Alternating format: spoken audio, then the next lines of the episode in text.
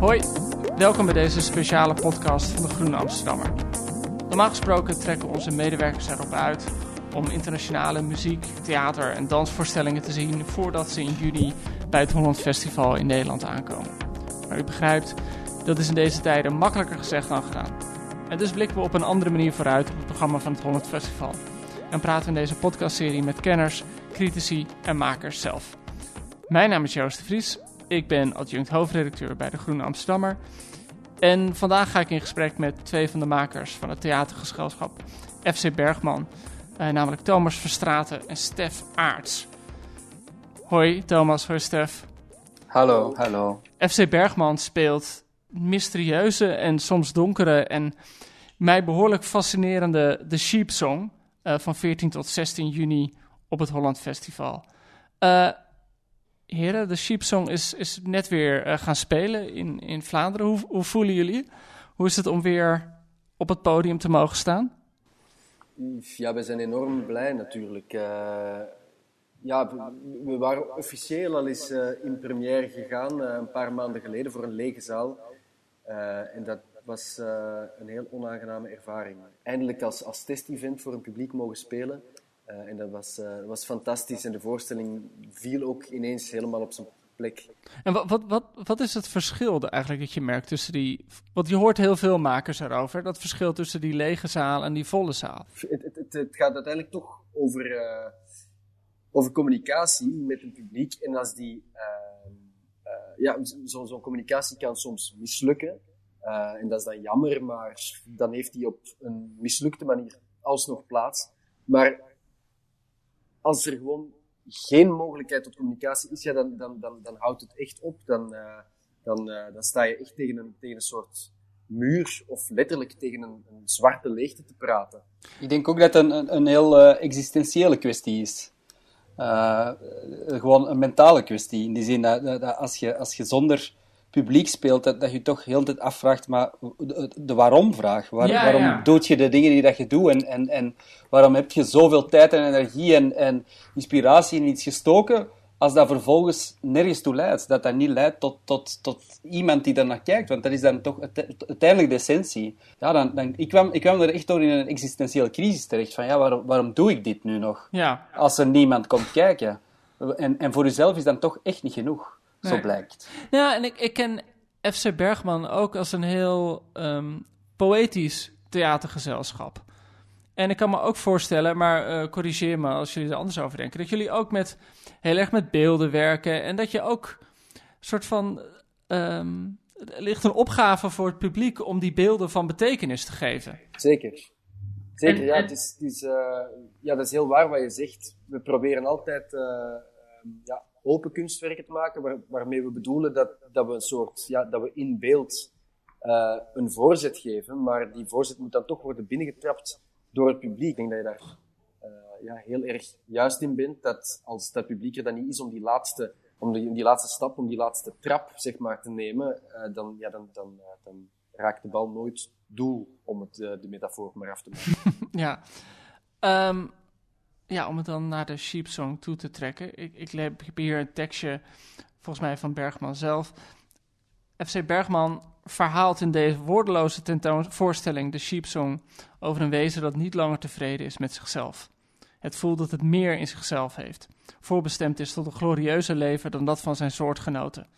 Een moderne parabel over de angst voor en aantrekkingskracht van verandering in een mensenleven voor de goede orde, voor, mocht dat nog niet duidelijk zijn, de sheepsong gaat echt over een schaap dat niet langer schaap wil zijn. Vat ik dat zo goed samen? Misschien, misschien zelfs iets preciezer. Dat, um, dus we hebben, we hebben eigenlijk, in, toen we het, het, het schreven, gingen we nog heel erg vanuit dat het, dat, het, dat het hele verhaal zou vertrekken vanuit de motivatie van het schaap zelf. Hè, dat hij niet meer tevreden is met zichzelf en dan vervolgens een ambitie aan de dag legt die haast uh, bovennatuurlijk is. Daar zijn we in, bij het uiteindelijk monteren van onze voorstelling een klein beetje van teruggekomen. We hebben die, eigenlijk die, die waarom-vraag, waarom wordt het schaap mens, hebben we eigenlijk tussen, ja, tussen haakjes geplaatst. Of we hebben die uh, minder van toepassing gemaakt. Dus we, we, we, vertellen denk ik nu meer het, het verhaal van een schaap dat mens wordt. En hoe En, en, en we verhalen vooral, denk ik, het hoe en minder het, het waarom of, of, of de, de, de, de eerste beweegredenen of zo. Dus die, die vraag hebben we, dat was eigenlijk een, een ware verlossing toen we de waarom-vraag achter ons konden laten. Want die was in dit geval net iets minder interessant of zo. Maar ik, ik had een, een andere waarom-vraag om mee te beginnen. Waarom een schaap? Ja, een van de meest iconische uh, dieren uit onze, onze westerse cultuurgeschiedenis. Uh, het, is, het, is zo rijk aan betekenis, aan symbolen, aan, aan metaforen waar dat je eigenlijk eh, enorm veel, allez, waar, dat, je enorm veel kanten mee uit kunt. Om te beginnen is het natuurlijk een wezen een kuddedier. Hè? Het is het ultieme kuddedier. Dat wanneer het schaap uit de kudde gaat, wordt al snel gesproken van het verloren schaap. Dus vanaf dat het schaap zich losmaakt uit het kudde, is het meteen ook verloren. Uh, het is ook de pure onschuld. Maar dan is er natuurlijk ook een hele katholiek-christelijke metaforiek en symboliek. dat, dat, dat, dat, dat het schaap helemaal oplaat. Uh, van, van christelijke metaforen en, en, en, betekenissen. Sowieso is dat een, uh, ja, een, een, beeldtaal of een, soort symboliek waar we ons uh, al van, van in onze beginjaren nogal gretig van bedienen. Maar waarom bedienen jullie daar zo graag van? Eh, ja, dat is een interessante vraag. Ehm, dat is niet iets waar we altijd bewust naar op zoek gaan. Dat dient zich gewoon aan. Misschien ja, heeft het ermee te maken dat wij dat wij een van de laatste generaties zijn, echt zijn, zijn, zijn grootgebracht nog uh, met het katholicisme. Het maakte op, alleszins op mij als kind een enorme indruk. En ik was daar, uh, ja, denk ik, niet alleen in. Ja, het is onuitgesproken, zit het, ja, behoort het tot de innerlijke bibliotheek. Juist. Het, het, het, is echt, het, zijn archetypen, hè. En we, we, we houden ervan om, om, om, om beelden te maken die dat, die dat ja, rechtstreeks toegang krijgen tot, tot de mensen in hun hart of zo. En, en, en daarbij ja, gebruiken, we, gebruiken we beelden of archetypische beelden die dat iedereen meteen herkent. De kruisdrager is zoiets, is zoiets archetypisch van ons. Dus, dus, dus ik denk dat dat een enorme aantrekkingskracht op ons uitoefent bij het creëren van dat soort van beelden. Hoe komen jullie eigenlijk tot een, tot een stuk? Hoe, hoe werkt dat bij jullie, bij FC Bergman? Ja, dat gebeurt meestal toch op een nogal intuïtieve manier. Uh, en dat was deze keer niet anders. Het, uh, het, is, het is zelden zo dat we uh, tegen elkaar zeggen: Oké, okay, laten we over die dramaturgische gedachte een voorstelling maken of zo. Nee, het begint toch meestal met, met een, een, een iets lossere gedachte of zelfs met een beeld. en bij, bij de Sheep Song. En daar is dan, ja, daar komt dan achteraf, wordt daar een gedachte uit ontwikkeld. Maar die is er niet, die is er niet eerst. Uh, maar we weten natuurlijk wel van bij aanvang van ja, als, als, als je iets maakt over een over leven en werken van een schaap, dat daar een hoop ja, dramatisch potentieel in zit, omdat we ons natuurlijk enorm bewust zijn van heel de, van heel de uh, symboliek die dat dier met zich meedraagt. Um, voilà, dus, dus, dus het, is vaak, ja, het is voor elk stuk een beetje anders, maar um, het, vertrekt, ja, het, vertrekt, vertrekt meestal vanuit een vrij intuïtieve beweging. En uh, het is uh, de, de, de, ja, het, het narratief volgt. Oké. Dus jullie hebben eerst een, paar beelden in je hoofd of een bepaalde, ja, hoe moet je dat zeggen, bepaalde emotie. En, en daar ga je dan een vorm voor vinden. In dit geval was dat echt, ja, dus dat, uh, gewoon dat schaap, dat was er. Uh, omdat dat het christelijke symbool bij uitstek is, uh, was duidelijk dat we het ja, over religie ook gingen hebben. Daarnaast, omdat we een verhaal over, ja, onvermijdelijk over natuurlijk de condition humain vertellen, maar dan via een dier kwamen we ook onvermijdelijk weer bij fabels, bij de, bij de vorm van een fabel terecht. En omdat we ja, een dierfabels in religie dachten, de, de, de, ja, de, combinatie bracht ons nogal snel bij uh, moraliteiten in middeleeuws theater of middeleeuwse uh, kunst of middeleeuwse beeldende kunst bij uitbreiding.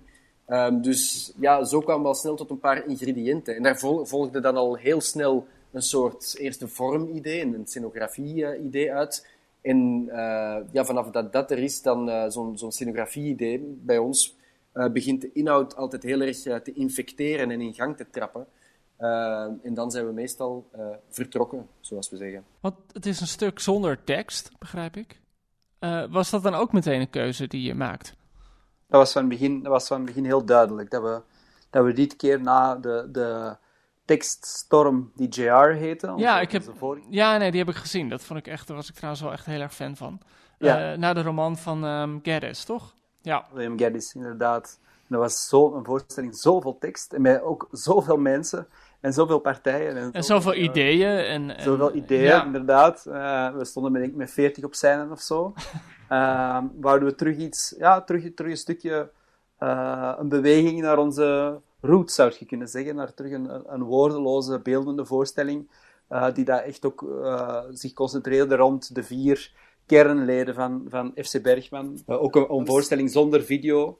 Daar houden we ook van om, om, om wat af te wisselen, om, om onze ja, cinematografische voorstellingen af te wisselen met meer ja, heel pure, beeldende symfonieën, zeg maar. Ja, de, de keuze om zonder tekst te werken is voor ons eerder een evidentie dan omgekeerd. Dus eh, we hebben op een bepaald moment echt de overstap naar teksttheater eh, gemaakt. Ja, met, met eh, JR eigenlijk alleen maar en dan met een, met een opera die we pas hebben gemaakt.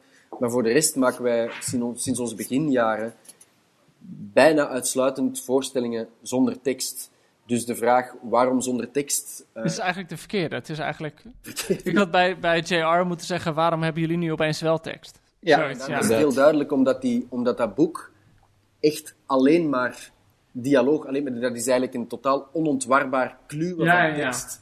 En dat was dan ook weer zo'n extreme tekstkeuze, dat we dachten, ja, dat, dat, dat is, daar wordt tekst ook weer vorm op een bepaalde manier. Wat, wat hebben jullie ontdekt bij het maken van dit stuk? Want het- dat lijkt me toch, jullie nemen een aantal van die, van die klassieke, nou wat jullie ook al zeiden, een paar van die klassieke iconografische beelden. En vervolgens ga je die uitproberen, lijkt me. En, en ik bedoel, jullie zeiden al even dat jullie eh, ooit een keer dat, dat tekstje aan het geschreven hadden eh, voor de voorstelling. En dat eigenlijk tegen de tijd dat je die voorstelling daadwerkelijk ging spelen, zo'n tekstje al bijna niet meer klopt. Ik bedoel, dat lijkt me altijd het ontzettend interessante van het toneelstuk. Dat je het pas weet wat het is op het moment dat je het echt speelt. Of vergis ik mij daarin? Ja, nee, dat is zo. Ik denk dat dat voor elk kunstwerk geldt. eh, ook voor een, een schilderij of een film of een gedicht of, of weet ik veel. Maar het, het, eh, het mooie is dat het eindresultaat meestal niet eens verrassend is. In de eerste plaats voor jezelf. En in, in, in dit geval, denk ik, wat we echt ontdekt hebben bij het maken van die voorstelling, is hoe dwingend dat, dat, die, dat die odyssee van, van het schaap geworden is. Ja. Oorspronkelijk was eigenlijk ons idee om, om een veel eh, ruimere voorstelling te maken over transformatie en verandering, waarbij dat het, verhaal van het schaap slechts, slechts een, een onderdeel zou zijn. Maar ja, tijdens het maken werden we zo hard in die, in die tocht van dat schaap ge- getrokken, dat, ja, dat er eigenlijk geen weg buiten was. Dus ook tot, tot op de laatste dagen voor onze spookpremière in januari, ja, zaten er nog scènes in die, die, van het verhaal, die, die, we, die ons van het verhaal wegbrachten. Maar dus uiteindelijk hebben we toch heel hard moeten, moeten ja, focussen toch echt op, eh, op die odyssee van, de, van dat schaap. En dat was wel, dat was wel echt een verrassende, een verrassende ontdekking die ik eigenlijk nooit op voorhand had, had durven voorzien. En altijd, dat is op zich altijd een, mooie, een, een, een mooi moment in het, eh, in het creëren van eender welke voorstelling, dat, dat je op een bepaald moment toch voelt dat de, dat de voorstelling zichzelf begint te, te, te dirigeren of zo. Waarmee ik wil zeggen eh, dat het na een tijd gewoon heel evident wordt eh, welk, welk pad je moet inslaan of welke keuzes je Ja. zeker niet moet maken. En dat was deze keer niet anders. Ja, al makende dwingt natuurlijk zo'n kunstwerk zijn eigen logica af. Ja. Of zijn eigen... Ja, nee, dat, dat vind ik altijd een van de magische dingen. Ik heb een paar romans geschreven. En dat begint misschien met een soort van externe inspiratie. Met dingen die je gelezen hebt of gezien hebt. Of waar je over nagedacht hebt. Of dingen die je hebt meegemaakt. En dan ga je dat schrijven. En dan komt er gewoon zo'n moment dat de roman zelf de inspiratie begint te geven. En ik kan me voorstellen dat jullie met toneelstukken dat, dat ook kunnen hebben. Dat jullie... Ja, inderdaad. En, meestal is dat, eh, is dat iets waar je lang voor moet ploeteren en dan, eh, dan eh, openbaart het licht zich of zo, of dan begint de voorstelling zijn, zijn eigen keuzes uit te wijzen. Maar dat was deze keer eh, eigenlijk heel anders. Ehm, namelijk, die voorstelling heeft zich op enorme tijd, enorm korte tijd laten, laten maken. Dus het was eh, heel snel, heel duidelijk ehm, welk pad we wel of niet in moesten slaan. En het was eerder een kwestie van achteraf daar eh, ehm, eh, tevreden mee te blijven en eh, niet te onzeker erover te worden van ja, zijn we nu niet te, te snel gegaan of is het niet te... Allee, we hebben vaak tegen elkaar gezegd, hoe, is dit nu niet te gemakkelijk aan het gaan of zo? Maar er zat, gewoon, er zat blijkbaar gewoon veel, veel klaar of zo. Dat, dat idee voor de, het idee voor de, voor de Sheep Song is ook al een, een zestal jaar oud. Dus een dat was ook een voorstelling die al lang uh, ja, gemaakt wou worden. Ja, hij zat al lang in het vat. Ja. Wat had je niet verwacht dat nu wel in de voorstelling zit? Ik denk dat het eerder omgekeerd is. Dat er een aantal scènes gesneuveld zijn, helemaal op het einde van de rit, waar ik nooit van had gedacht dat, dat, dat die zouden sneuvelen. Omdat we er zo van overtuigd waren. We merkten dat, uh, dat eigenlijk alle psychologie uh, van ons hoofdpersonage, dat we daar op, vanaf een bepaald punt echt niks meer mee konden. Dat, dat, dat het allemaal veel te anekdotisch en te, te ja, oppervlakkig maakte op een bepaalde manier. En te, te tranentrekkend of zo. Ja, of het misschien te veel invulde voor de kijker. Ja, ja, dat kan inderdaad. En op een bepaald moment begint je met zo'n... Ja, komt je in zo'n... Uh, uh, hoe zou het zeggen? Uh, kosmische terreinen terecht, dat dat soort van anekdotiek eigenlijk totaal niet meer gepast is. Jullie hadden een fragment uh, ingestuurd. Wie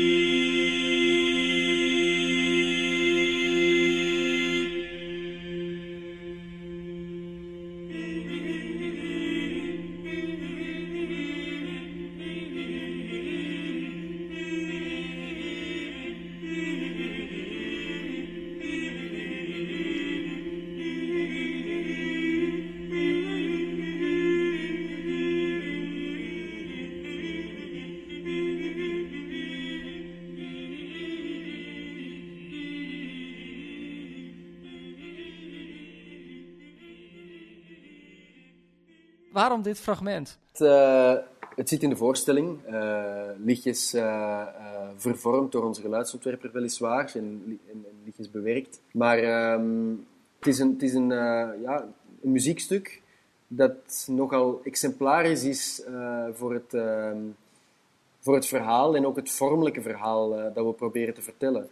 Um, misschien goed om, om eh, ja, voor de mensen die de voorstelling nog niet gezien hebben, om even ja, te schetsen dat het, het, het, uh, decor of de, de scenografie van de Sheepsong is bewust heel uh, ondiep gemaakt. Dus heel tweedimensionaal.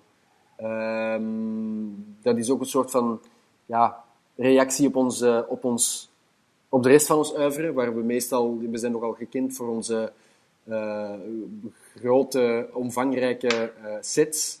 Ehm, ja, deze keer hebben we een soort tegenbeweging gemaakt uh, en, en, is die inderdaad super ondiep geworden. Uh, niet alleen om, uh, om contrair te doen, maar ook om, omdat dat ehm, heel erg bij de inhoud past van het verhaal dat we vertellen. Um, het gaat, het gaat, ja, we vertellen een soort hedendaagse moraliteit. moraliteit is een stijlfiguur ja, die al lang bestaat, maar die, die die vooral in onze contraire bekend is geworden uh, in het middeleeuws theater um, um, en, fabels. Um, gaan eigenlijk uh, op eenzelfde manier over ja, de beleving van moraal, over uh, wat is goed, wat is slecht, hoe, hoe het leven te leven. En een van de grote keerpunten in, de, in onze westerse geschiedenis en bij uitbreiding, daar kom ik straks op terug in de, in de kunstgeschiedenis, is eigenlijk de, de, de overgang van de hooggotiek naar de, naar de renaissance.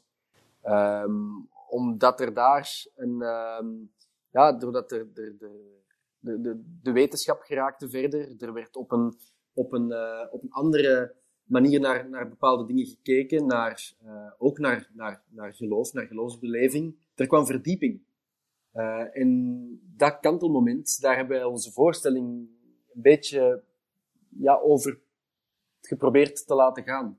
Dus uh, je ziet eigenlijk het grootste deel van de voorstelling een heel, een heel ondiepe, heel vlakke beeldvoering die, die uh, ja, als het ware opengebroken wilt worden.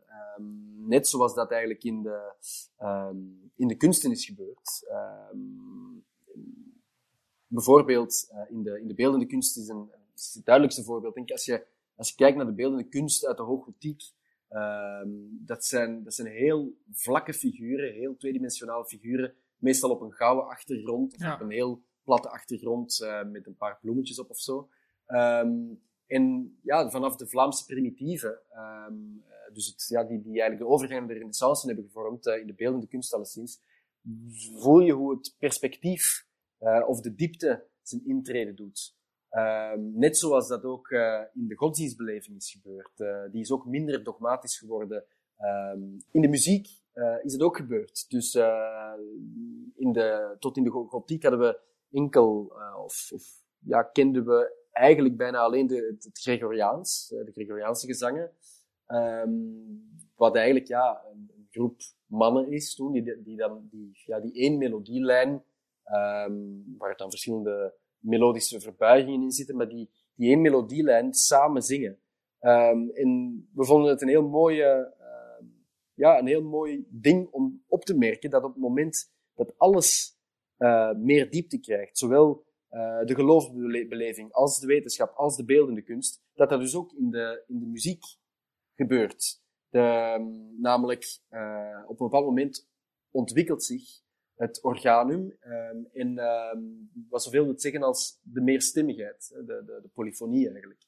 Uh, een van de vroegste um, ja, vormen van meerstemmigheid die we kennen, is het, kennen we uit het werk van uh, Leoninus en Perotinus. En, uh, en um, Viderunt Omnes, het fragment ja. dat we dus kunnen horen, ja, is een van de bekendste stukken van, van Perotinus, waar eigenlijk dus voor de eerste keer in onze westerse geschiedenis uitgeschreven en dus ja, berekende meerstemmigheid te horen is.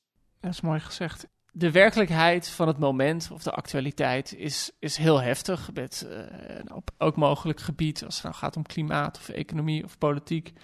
Politiek wordt bevolkt door eh, mensen met hele grote meningen en hele grote ego's. En nou, gewoon kortom, de werkelijkheid is al best schreeuwerig en, en theatraal.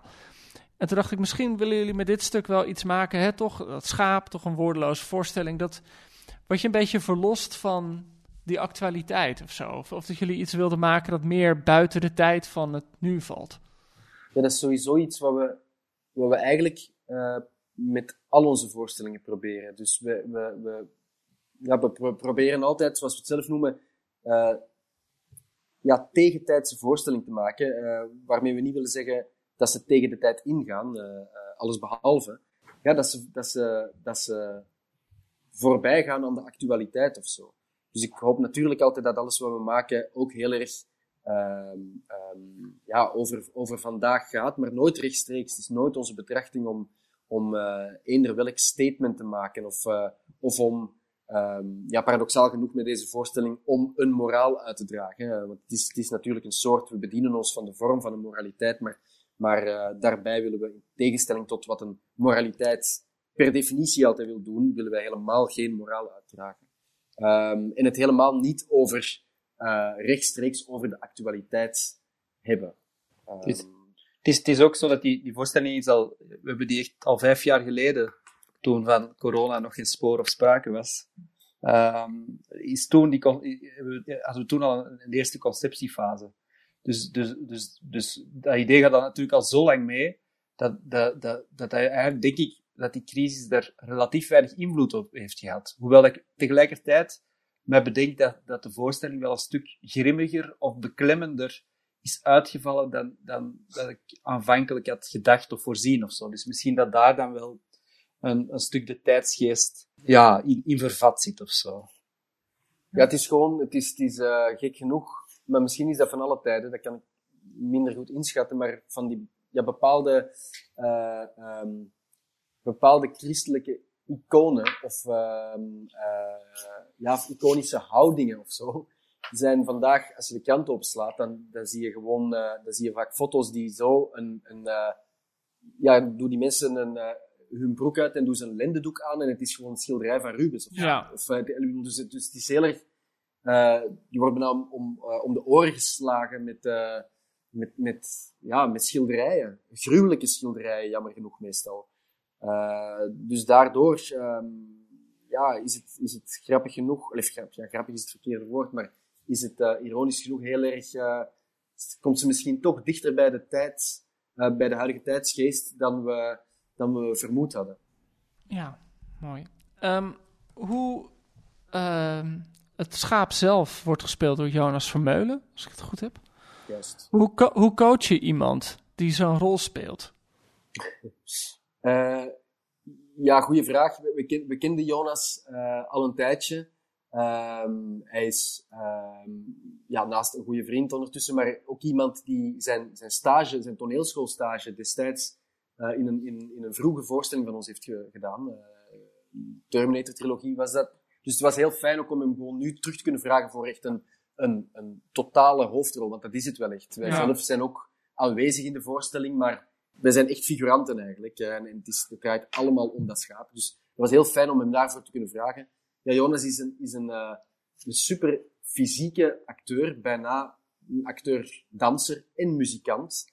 Eh, want hij is naast, ja, hij heeft, hij heeft ook verschillende muziekprojecten daarnaast, dus is een beetje een eh, soort multitalent.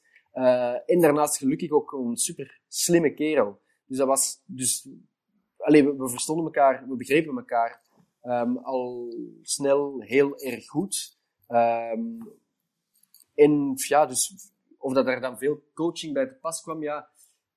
Wij hebben, wij hebben denk ik de, afgelopen jaren, heeft, ja, sinds, sinds we bestaan eigenlijk, misschien wel een soort van eh, spelerscode ontwikkeld voor onszelf. Ehm, die altijd een soort ja, midden houdt in, ja, tussen extreem vormelijk en dan een soort filmrealisme daar, daartussenin. Moeilijk, ja, moeilijk onder woorden te brengen zo eh, in 1, 2, 3. Maar ehm, hij voelde die direct eh, vrij goed aan. En daarnaast hadden we natuurlijk te maken met dat... Ja, hij speelt de hoofdrol, maar hij zit echt in een, een heel geavanceerd pak, in een schapenpak, zeg maar. Het grootste deel van de voorstelling. Ja. Dat maakt dat hij op een heel eh, fysieke manier moet... ja, ik weet niet of je van acteren kan spreken. Het is bijna... Ja, het is performen, is denk ik een, een, een juiste woord. Het is ook super heftig eigenlijk wat hij moet doen. Dat, ik zou niet graag met hem willen ruilen. Het- klinkt fysiek heel eh, ja, het is zwaar. gewoon, het is gloeiend heet, heel zwaar en pijnlijk. Dus waarom hij, waarom hij het wil doen, überhaupt, dat moet je hem zelf maar eens vragen.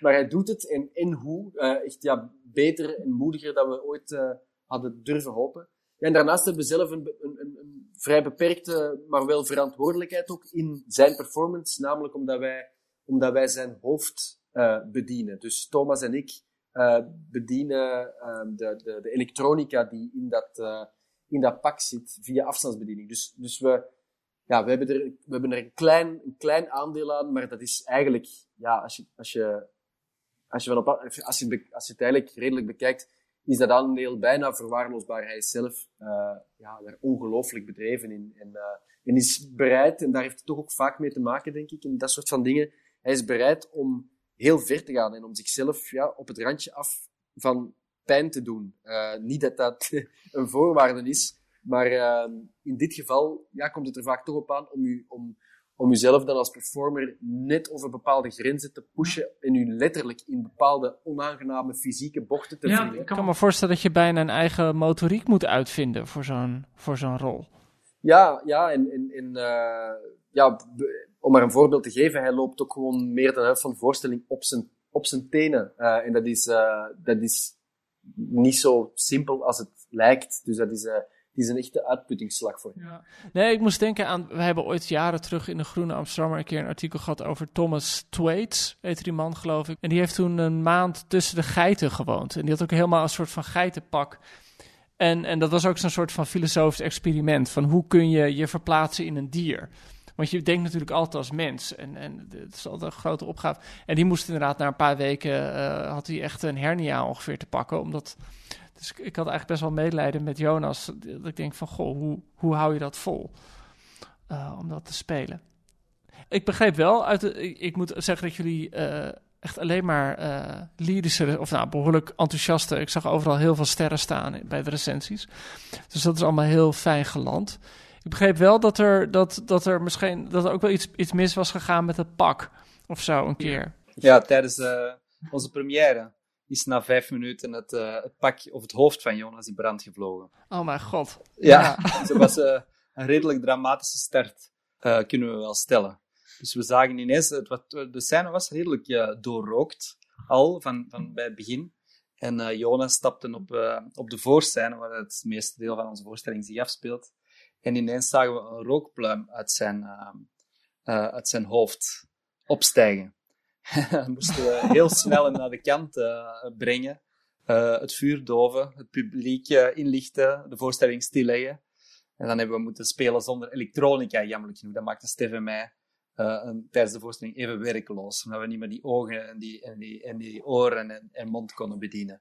Ja. Maar uh, gelukkig was het, was het, uh, ja, was het naar de volgende voorstelling, voor de volgende voorstelling alweer, is het, uh, weer verholpen. Dus een kortsluiting in zijn, in zijn hoofd veroorzaakte ja, een turbulente start. Letter, die... Letterlijke kortsluiting in zijn hoofd. Een letterlijke kortsluiting. Dat was echt te absurd, te absurd voor woorden. Totaal waanzin was dat. En vooral, ja, het griezeligste was dat, dat dat pak waar Jonas in zit, is, uh, dat geraakt, die geraakt niet alleen uit dat pak, dus die had zelf ook niet door dat hij in brand stond. Uh, dus het, dus wij, wij haalden hem af scène en, uh, en hij, hij rook wel dat er iets mis was, dus hij zei, ja, staat, er, staat het decor in brand? En we zeiden, nee. ja, ja, er staat in brand. En toen voelde hij ook pas dat, er, uh, dat, hij in brand, dat hij daadwerkelijk in brand stond. Dus we zijn, we zijn met vijf man dat pak beginnen losrukken.